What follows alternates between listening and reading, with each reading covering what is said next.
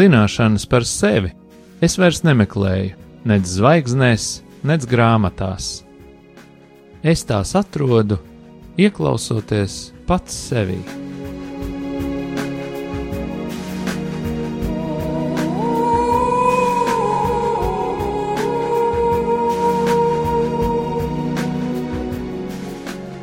Raidījums Mīlestības terapija. Top mīlestības mājai, sadarbojoties ar profesionālo pastorālās konsultēšanas asociāciju. Sarunas par sevi, dzīvi, psiholoģiju un dvēseles terapiju.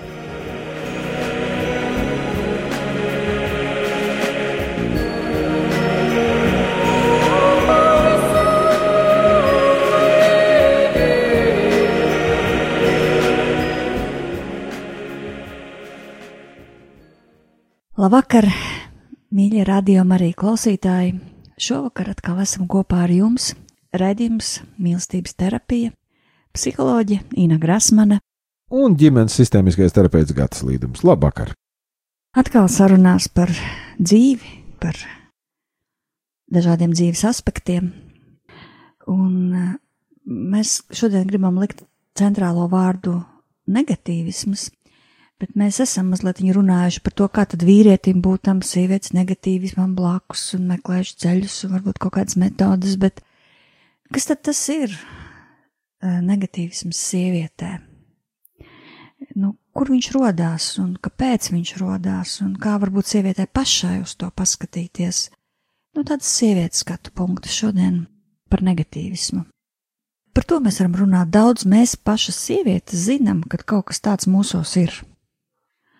Un par to daudz runā, vīrieši runā, un, un sabiedrība runā, žurnāli runā, viss runā, un mēs zinām, kas tas ir. Īpaši sieviete to satiekas eh, tuvākās attiecībās, laulībā, tieši var iepazīt šo negatīvismu, ka viņš ir tāda spēcīga negatīva enerģija, nu labi, teologi tur varbūt var runāt par grēka skarto daļu personības, vienalga, kā mēs to identificējam vai nosaucam, bet kaut kas tāds ir.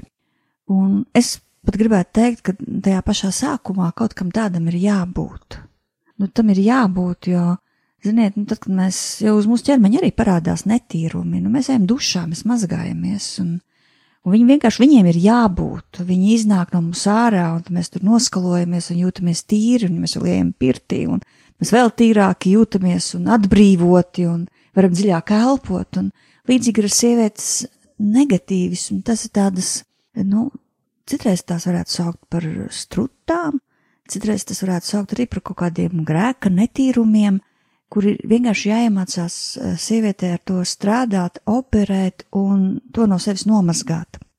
Nu, ja mēs skatāmies laulības kontekstā, attiecību kontekstā, man liekas, arī vīrietim ir jāiemācās palikt bišķi pa vīrišķīgiem krastiem, arī vīrietis var palīdzēt sievietē ar to tik galā, ar savu vīrišķību, ar savu stāju, nekrītot, neskrienot viņai līdz tam negatīvismam. Man ļoti patika, kad senos laikos es lasīju vienu grāmatu par pāru attiecībām, un tur šis autors rakstīja, ka pirmie septiņi gadi laulībā ir priekš tam, lai sieviete varētu pārstrādāt savu negatīvismu, Un e, savukārt vīrietis, kas to, kas kļūst viņai pa palīgu tajā, un kas viņai palīdz to izdarīt, viņš e, iegūst šo sievietes mīlestības tā kā tādu, viņš iegūst sievietes mīlestību. Viņš iegūst tādu iespēju iet tālāk. Nezinu, gads varbūt konfrontēs man, bet es domāju, ka vīrietis ļoti var uh, palīdzēt sievietē tajā, ja, viņa, ja šī vīrišķība ir vesela, ja šī vīrišķība neskrien līdzi šīm sievietes emocijām, ja viņš vienkārši ļauj viņai attīrīties, dot telpu, dot laiku, tas līdzīgi kā bērniem. Arī ir vajadzīga šī attīrīšanās no tāda kaut kāda iekšējā negatīvisma, un, un ja mēs vienkārši dodam tam telpu ar kaut kādām zināmām robežām, tad uh, bērni aug veseli, laimīgi, un paldies Dievam, ka viņi kādreiz kliedz, nevis ka viņi vispār nekliedz nekad. Jā, par tiem septiņiem gadiem Uh, septiņi vispār ir tāds mazliet maģisks cipars, uh, ar ko cilvēki mēdz dažādi spēlēties, un, un tā, un, un nekas jau nebija nepareizi. Ja? Bet uh, man vienkārši, nu, man tāds vēlniņš iekšā spēlējās, klausoties par tiem septiņiem gadiem, un es domāju, nu, kā, kā es neko tev netaisos konfrontēt. Es esmu maigs kā jērs, kāda konfrontācija. Bet vienkārši klausoties, man ienāca tāda mazliet smieklīga doma galvā, jo es uh, Man viena tāda mīļa grāmata ir viena skandināva autora romāns par, par vikingu jūras braucēju nedarbiem. Tur tāda bieza forša grāmata, nu, saucās Sarkanā odze, ja kāds ir pazīstams. Un tad tur tie vikingi tā runā savā starpā vienā epizodē, nu, ka tās sievas ir tādas baigi nepaklausīgās, un viņas kaujās ar viņiem un, un, un dara savas lietas, un grūti tās skandināvu sievietes ir pakļaut un savākt. Un tad tas viens vikings tam otram saka, viņš saka, zini, pēc trešā bērna parasti viņas kļūst mierīgākas. Nu, tad tie trīs bērni varētu arī būt tajos septiņos gados, un tad jau viņš kļūst mierīgāks. Bet uh, tas uh, viss humoram. Bet redzi, es domāju, ka divas lietas. Pirmkārt, atkal mēs jau esam pieskārušies iepriekšējos raidījumos tiem antropoloģijas jautājumiem. Un, ja mēs skatāmies atkal, nu, mēs te runājam par, par ģimeni, par pāri, un, un, un, un te ir kristīgs radio, un mēs ieliekam lietas kristīgā kaut kādā bibliskā kontekstā vai rāmī, tad tas rāmis ir kāds. Ja? Ka tad, kad cilvēks e, krīt grēkā un tiek izraidīts no paradīzes, nu tad kādi ir tie līdzējošie vārdi? Vīrietim ir, tev būs e, sviedriem vaigā tur art un, e, un apstrādāt laukus, un viņi tev dos daļus un usnes, un nekas tev tur labs nebūs. Tātad vīrietim ir jāstrādā, kā grēks seks, un kas ir jādara sievietei? Jā, tamā ir galva, viņai ir jādzemdē bērnu sāpēs. Un nevis otrādāk. Šis līdzējošais nav, ka sievietei tagad būs ar kapli un arkli jāapstrādā lauki, Un vīrietim, es nezinu, būs nu, ok, jādzemdē. Nē, nē, ir tā. Nu, redz, un kaut kādā ziņā te jau atkal parādās tā antropoloģiskā konstanta vai orientieris, ka kaut kādā veidā sievietei ir nu, tā bērnu ģimenes lieta, caur kuru viņai ir ļoti, ļoti grūti, bet kur viņa arī var iegūt kaut kādu prieku. Tāpat kā ja mēs skatāmies uz, uz strādāšanu vai sasniegšanu, tas ir ļoti, ļoti grūti nu, vīrietim, bet viņš arī iegūst kaut kādu gandarījumu un prieku. Un tā problēma ir tajā, ka mūsdienu dzīve, rietumu pasaulē, sieviete ir nolikusi tieši tur, kur vīrieti, bet plus vēl arī to otru. Un, protams, ka sieviete ir nogurusi, viņa ir nejauka, viņa ir skāba, jo intuitīvi, iekšēji, antropoloģiski, ja mēs skatāmies vēl vienā bibliskajā rāmī, viņa jūt, ka viņa ir ne tur, kur viņai ir jābūt. Jo arī sievietei ir jāar tas lauks, kurš dod uh, daļus, bet tad viņai arī vēl ir jādzemdē tie bērni sāpēs. Un, un vispār ir drusciņi par daudz. Un, un tas ir viens no kurienes nāk. Un tad, protams, kad otrs, protams, kā otrs ir paviršība un nevērība komunikācijā, un mani neievēro, mani nedzird, man neatsaucās, un, un tad tas, tas rūkums, kaut kāds skābums, negācijas ienāk un, un ienāk bieži vien uz palikšanu. Un tad, ja nu tā reiz ir iekārtots diezgan atžgārni rietumu pasaulē, ka lauki dažainie ir jādara abiem, bet tad vēl sievietei arī papildus ir jādara tās bērnu lietas. Tad, nu, kā, kā tad vīrietim ar šito sadzīvot? Nu, pirmkārt, labi, tur var dažādas psiholoģiskas gudrības eh, bārstīt, kā tur vīrietim ir jātur kas un jātur šitas un robežas un viss kaut kas. Es gribētu teikt no savas puses, varbūt, ka ir mazliet vienkāršāk. Ja nu tā pasaules kārtība atšķirībā no bibliskā konteksta ir tā sajukusi, ka abiem diviem ir jārtas lauks, kurš dod daļus. Nu tad varbūt, lai atjaunotu kaut kādu zaudēto līdzsvaru, abi divi varētu arī mazliet padarboties tajā bērnu sāpīgajā frontē. Un ko es ar to domāju? Uh, nu, varbūt, viens tāds ļoti labs līdzeklis, tādā, nezinu, homeopātiska vitamīna līmenī, lai uzlabotu attiecības, ir, ja tas džeks vienu dienu atprasītos bišķiņā ātrāk no darba, atbraukt mājās, varbūt savāktu priekšlaicīgi bērnus no skolas, no dārziņa, un brīdī, kad mamma piebrauc pie mājas un nogurus nāk augšā ar to depresīvo domu, ka tagad ir jāizdomā, ko viņi visi ēdīs un kā mēs tur.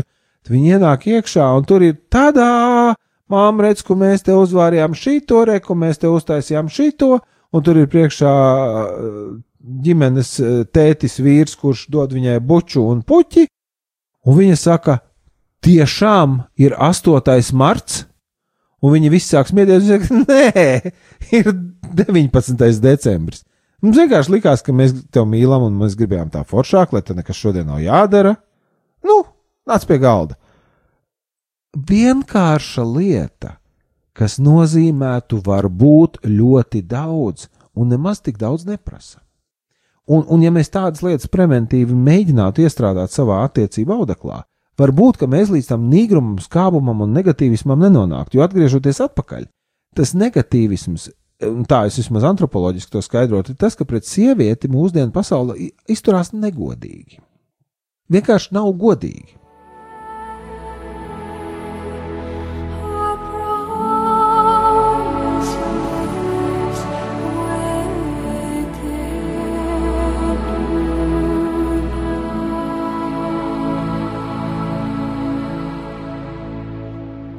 May it be the shadows call.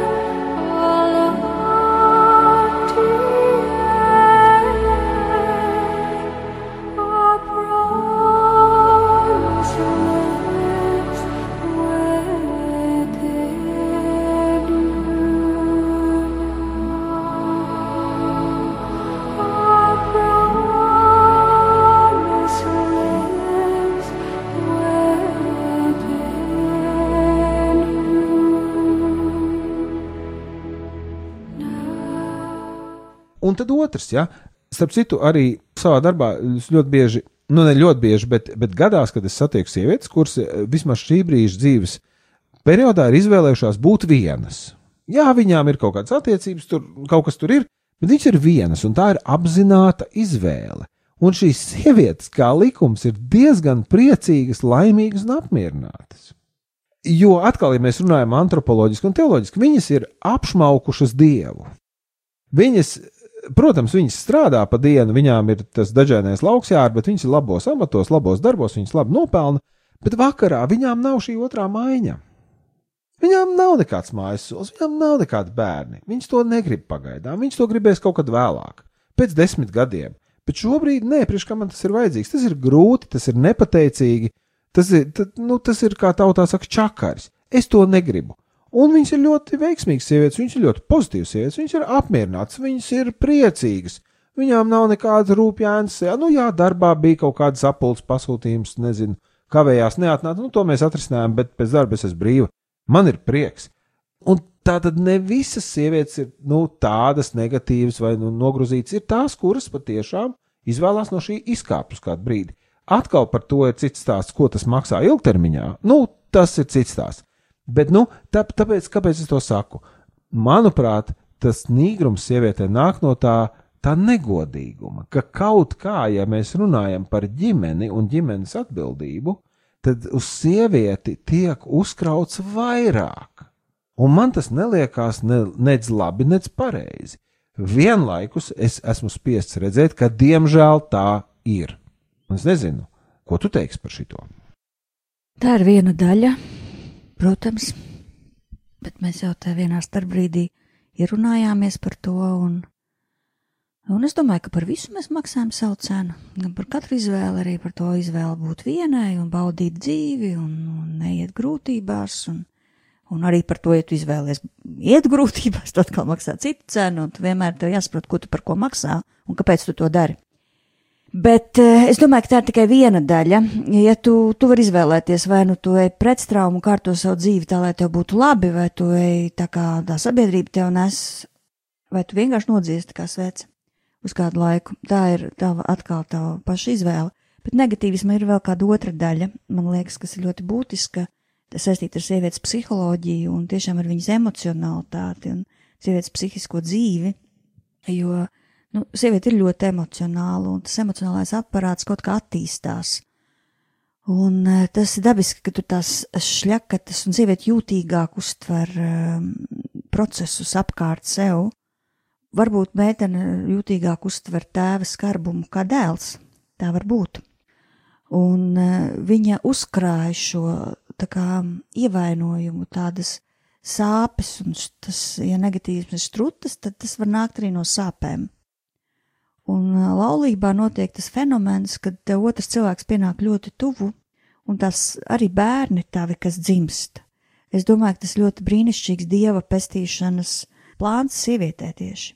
Ka tu satiecies ar šīm sāpēm, vienkārši patiešo, tu nonāc tur, tur nezinu, savā zīdēnības pieredzē kaut kādā neapzināti caur saviem bērniem zīdēņiem vai, vai caur šo tuvību ar vīru, tu nonāc arī kaut kādās attiecībās sāpīgās, kas tev tur bijuši pirms tam, tur savā ģimenē, un tad, nu, tas ir tagad jārisina. Un sievietes gudrība sāk vairoties tajā, ja viņa risina, ja viņa meklē, ja viņa strādā ar to, un ja tur vēl vīrietis iesaistās kā palīgs, tad, protams, tā ir, tas ir brīnišķīgs ceļš, tas nav viegls ceļš, tas ir grūts ceļš, un nekur nav rakstīts, ka būs viegli. Tā ir ilūzija par dzīvi, kad ir viegli. Dzīvē ir sarežģīti, ļoti sarežģīti likteni, ietekmējoši uzdevumi jāatrisina. Katram cilvēkam, vīrietim, sievietei. Sievietē pa savam, vīrietim vienkārši pa savam. Katram ir šie uzdevumi jāatrisina, lai viņi nonāktu līdz tam uh, punktam, tā viņi dzīvo laimīgi un ilgi un, un svinēja kāzas un tur priecājās un tur vīns tecēja un garām un iekšā. Un līdz tam jānonāk. Ir jāatrisina šie uzdevumi un priekš tam ir iedota dzīve, lai šos uzdevumus atrisinātu. Un sievietes uzdevumi ir atrisināt šīs dvēseles sāpju līniju, jo sieviete ļoti izjūt dvēseles sāpes, un sieviete, kuru nerisina, man arī nāca kādreiz viena meitene, kur, nu, principā nebija risinājusi līdz tam brīdim, kamēr viņa vairs nevarēja nerisināt. Viņa vienkārši jūta, ka tas ir pēdējais punkts, un viņa ar mani runā, un viņa neko neatcerās. Viņa vispār neko neatcerās. Un pēc tam mēs tikai nonākam, viņa saka, jā, es laikam, lai izdzīvotu, esmu uzbūvējis tādu sienu, visapkārt tam, kas ar mani ir noticis, un dzīvoju tā kā ārpus sevis, ārpus šīs savas biogrāfijas, ārpus saviem pārdzīvojumiem, ārpus savām jūtām. Nu, viņi uzbūvē to sienu, it kā viņai ir vieglāk. Viņa maksā par to, to, ka viņai nav attiecība, ka viņai nav ģimene. Jo, ja viņai kāds ienāks tur tuvumā, tad viņas sienē tas taču viss bruks tur, un tas būs ļoti, ļoti sāpīgi. Paldies Dievam, ka šī meitene bija gatava vienā brīdī e, satikties ar šīm sienām un pastīties, kas tur, tur aiz tā viss ir. Un tas bija labs stāsts un labs rezultāts un labs beigas tam ceļam kopā, bet, eh, bet sievietē negatīvisms ir viņas sāpju strutes, un ja sieviete to saprastu un paņemtu tā ļoti apzināti, pameklēt, kas tad tās pa sāpēm, par kurām man šis negatīvisms stāsta, viņa daudz ko par sevi uzzinātu. Citreiz tas nāk no tik dziļām sāpēm, ka tev tiešām vajadzīgs kāds ceļa biedrs, eh, kas palīdz, un no tā nevajag kautrēties, tāpēc, ka šis eh, sievišķības tiešām emocionālitātes aparāts ir ļoti, ļoti sarežģīts. Tas ir smalks saprats, tas ir smalkais gals. Un tāpēc, nu, nevajag baidīties, ka tev kāds jāpasauc palīgā. Tā kā tas ir par to.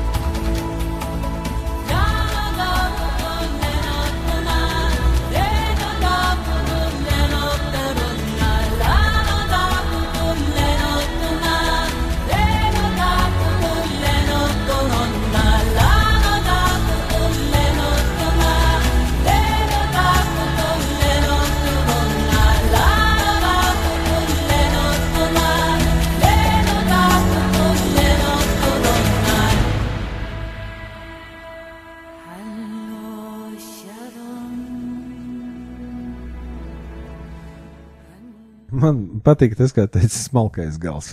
tas tāds labs, labs termins, jā, bet nu, tas tur tās sāpes un tās strutas, saka, Dievs, šitie teicieni man vienkārši uh, smagi tas skan. Uh, bet es no otras puses domāju, nu, ne jau vēl tas raidījums, ko mēs te taisam, saucās mīlestības terapija, un tāpēc jau mēs acīm redzot, gan savas profesionālās izvēles dēļ, gan arī šī raidījuma, teiksim, orientācijas dēļ, Protams, ka mēs runājam par to, nu, kas būtu jāterapē. Mēs jau runājam par to negatīvo. Tātad te uzsvers loģiski ir uz to. Vienlaikus es gribētu tā kā mazliet arī varbūt uzmundrināt eh, tās dāmas, kuras šobrīd klausās to, ko mēs runājam, ka nav jau tā, ka visas sievietes ir tādas eh, strutaini negatīvas, ja, kā, kā tu iepriekš runāji. Ir ārkārtīgi daudz pozitīvu meiteņu, pozitīvu dāmu, pozitīvu kuģu, kuras ir vienkārši pateicoties arī šim smalkā gala instrumentam, kuras ir ārkārtīgi pozitīvas, un tie ir tie cilvēki, kuru klātbūtnē mums patīk būt. Ļoti iespējams, ka tur nav kaut kādi sāpīgie stāsti aiz kadra palikuši, jo pilnīgi pareizi tu pateici, ka arī pēc tiešām pēc psiholoģiskiem pētījumiem, un tie cilvēki, kuri ir vairāk orientēti tieši uz pētniecību, uz cipariem, uz procentiem, uz kaut kādām vidējām vērtībām. Var paši paskatīties, tas ir pieejams. Bet um, tā ir tāda vispār zināma lieta mūsdienās, ka ļoti lielu, ārkārtīgi lielu un kaut kādās pozīcijās arī daudz lielāku ietekmi uz meitenes psiholoģisko veselību atstāja tētis nekā mamma. Un, ja tai meitenei bijis absolūti adekvāts tēvs, kurš savu tēvu lomu ir izpildījis, nevis, es nezinu, perot, strostējot, lamājot, nākot mājās ierēbis un kaut kādas jēlības meitai sakot, bet visu laiku viņu kopjot, audzinot, uzslavējot, stimulējot, uzmundrinot, dodot viņai to apstiprinošo pozitīvo vēsti, tad jau arī tā sieviete izaugs pozitīvi. Viņa būs tālāk pozitīva pret savu vīrieti, pret saviem bērniem, un, un, un un tur būs viens liels pozitīvisms, nevis negatīvisms. Un tāpēc, kāpēc es to saku? Ne jau lai te oponētu, jo tu jau pareizi runā. Bet, lai vēlreiz uzsvērtu to, ko tu arī pateici, ka, ja gadījumā šī lieta ir sākusies, tad patiešām, patiešām vajadzētu pastrādāt ar kāda palīdzību, lai to sakārtotu pagātnē. Jo ne gluži katrai sievietei ir bijis ideāls tētis.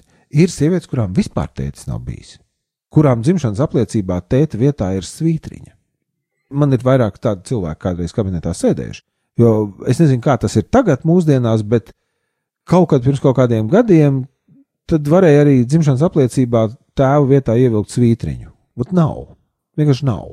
Un jā, tur mammas dzīvē kaut kādi vīrieši ir kādreiz bijuši, nebijuši, tēva vispār nav. Nu, tad ko darīt? Nu, tas ir ļoti nopietns darbs, tur ir jāizdara, lai kaut kādā veidā terapeitiski saremontētu šo deficītu. Vai arī tas tēvs tur ir bijis, bet viņš ir darījis vairāk slikta nekā laba tad ar to kaut kas ir jādara. Nu jā, tā tad šeit var palīdzēt prasmīgs, nezinu, iespējams, garīgais līdzgaitnieks, iespējams, kaut kāds konsultants, kaut kāds terapeits, noteikti ģimenes sistēmiskais terapeits, kas ir viena no manām kvalifikācijām, mēs ar to strādājam dienas dienā. Jā, mēģinām šo salabot, jo cerība ir, un, un, un pozitīvisms noteikti ir iespējams, kā pozīcija, kuru es apzināti ieņemu attiecībā pret savu dzīvi un šo pasauli. Un pozitīvisms ir ļoti lipīgs. Tieši tāpat kā negatīvisms. Un, nu, tajā ziņā tev ir pilnīgi taisnība, ka ar to būtu jāstrādā. Es neticu pilnīgam pozitīvismam. Es domāju, ka pozitīva sieviete ir kaut ko darījusi. Es esmu pārliecināta, ka katrai sievietei ir sava negatīvā daļa. Tā vienkārši ir. Stiprākā vai lielākā mērā tas atkarīgs tiešām no dzīves stāsta. Bet katrai sievietei ir šis uzdevums jāpaveic. Kaut kas ar to ir jāizdara. Ir sievietes, kuras šo negatīvo daļu noslēpj. Un starp citu, tas ir apbrīnojami. E, vīrieši mēdz arī to neredzēt, ka tas ir noslēpts. Viņi uz, uzķerās uz tā ārējā smaida, un tad satiekās ar to realitāti kaut kur tuvākās attiecībās. Bet uh, ir sievietes, kuras patiešām nopietni to atstrādā. Un es esmu ļoti lepna par tām sievietēm, un tas ir lieliski, tas ir brīnišķīgi. Es domāju, ka sieviete, kas ir pārskrātājusi savu to negatīvo daļu, viņa ir izcila sieviete. Viņa ir sieviete, kas nes eh, spēku, gudrību, pozitīvismu, protams, un, un stiprina pārējos un pārējās sev apkārt. Un tas ir brīnišķīgi, bet katrai sievietei ir šis uzdevums kaut ko izdarīt ar to ievainoto vai grēcīgo vai negatīvo daļu un ar to pastrādāt. Un, un varbūt par to arī šis raidījums, lai tu nebaidies doties šajā ceļojumā un nosaukt arī šo negatīvismu vārdā, mums katrai viņš ir, katra ir kaut kādā veidā, mēs ar to esam strādājuši un strādājam un strādāsim droši vien līdz mūža beigām. Un tas ir iespējams, un to vajag darīt, un tad dzīve kļūst laimīgāka, un tad tu vienkārši kļūst par svētību gan savai ģimenei, gan arī tiem cilvēkiem, kas tev ir apkārt. Es tā klausījos, un tagad nu, gan man ieniezējās tev mazliet oponēt, vai arī, nu tā, jo šis raidījums mums aizgāja diezgan gludi, mēs tā saskanīgi runājām apmēram vienā toņkārtā, bet tas pēdējais, ko tu teici, nu, ka mums droši vien visu mūžu arī būtu ar to jāstrādā. Nu, man piedo, piedodina, piedod, bet man gribās meitenēm iedot kaut kādu cerību. Nu, ir ļoti iespējams, ka jums nebūs visu mūžu ar to jāstrādā. Nu, nu nevajag sevi kodēt uz neveiksmi, jo, jo, jo, ja es sev saku, ka es visu mūžu strādāšu ar kaut ko šausmīgi grūtu, un tas viss mūžs arī tā paies, tad viņš tiešām tā arī paies. Ir veidi, ir pieejas, ir pozīcijas, kā strādāt, bet strādāt uz rezultātu. Un pēc tam, kad viņš ir sasniegts, tad dzīvot to priecīgo daļu, līdz kurai tad tu esi aizdzīvojies. Protams, protams, protams, jebkurai priecīgai daļai ir ēniņa, tāpat kā jebkuram mākonītam ir zelta maliņa, tas viss ir saistīts, un to, par to mēs nerunājam. Bet cerība ir, un ja mēs uz to ejam, tad mēs arī tur varam aiziet. Un uh, nevajag sev kodēt uz tādu neveiksmi, ka es tagad visu mūžu šausmīgi grūti strādāšu. Jā, būs periodi, kad strādās grūtāk, bet būs periodi, kad tu varēsi baudīt savu darbu augļus. Tas ir ļoti normāli. Jebkurā garīgajā pieredzē ir sezonāls cikls. Ir laiks, kad mēs sējam, kad mēs audzinām, kad mēs pļaujam, tad mēs sviedriem vaigā kuļam, un tad ir tas brīdis, kad mēs baudām to, kas ir izaudzis un to, ko mēs esam sagatavojuši. Un es domāju, ka meitenēm arī dar padomāt par to, ka šad un tad var papriecāties, nevajag tā visu mūžu tikai kultu un artu Jo kaut kad jau arī pienāk tas pļaujas laiks, un pēc tam arī var padancot un pabaudīt kaut ko garšīgu. Nu, tāda tāda doma. Jā, pieņemsim gata tēva svētību, bet es vēl noslēgumā varbūt pavisam mazu piemēru. Savā laikā, kad es arī strādāju ar savām milzīgajām brūcēm, tad uh, es klausījos tādu tēvs Maksimiliāns, varbūt uh, ir kādi, kas atcerās. Mums tāds Latvijā bija izcils eksorcists, un viņa tādu uzrunu, svētrunu, un viņš teica, viņš stāstīja par prieku, par svēto prieku. Un viņš teica, nu dari to, dari šito, izdzīvo savus sāpes, nebaidies iesties savā acīs, un tu piedzīvos prieku. Tu piedzīvos prieku. Un es klausos to visu, ko viņš runā, un man arī nenoturējās tā mēle, un es piegāju pēc tās svētrunas pie viņa un jautāju, tad, ziniet, tēvs, es visu daru, ko jūs sakat, bet man nav prieka. Un viņš man teica, būs! turpini darīt, būs. Un eh, es arī to piedzīvoju. Protams, vienkārši turpini darīt, ej uz priekšu, un, un skaidrs, ka prieks ir šīs dzīves būtiska sastāvdaļa un svarīga un īsts dzīves prieks. Tas ir tā ir liela dāvana. Ko noslēgsim šo mūsu sarunu ar mazu lūkšanu par šo lielo dāvanu - prieku.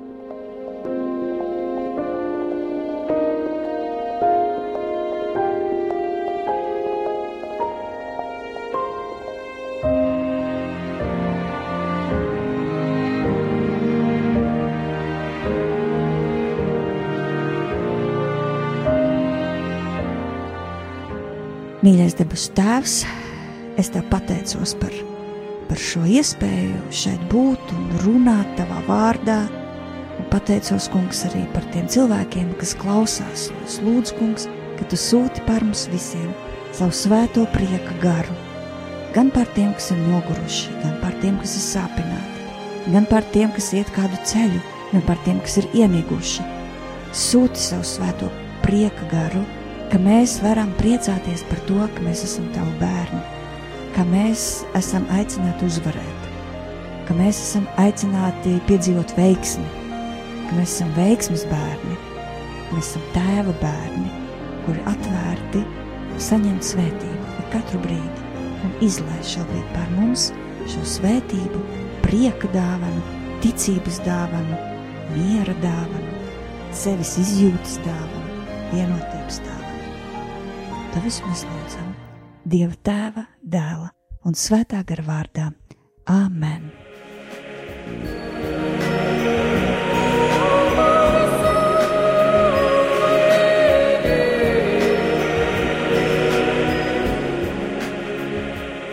Jūs klausījāties raidījumu mīlestības terapijā. Raidījums varat noklausīties mājaslapā mīlestības māja.clv vai Latvijas Profesionālās pastorālās konsultēšanas asociācijas Facebook mājaslapā.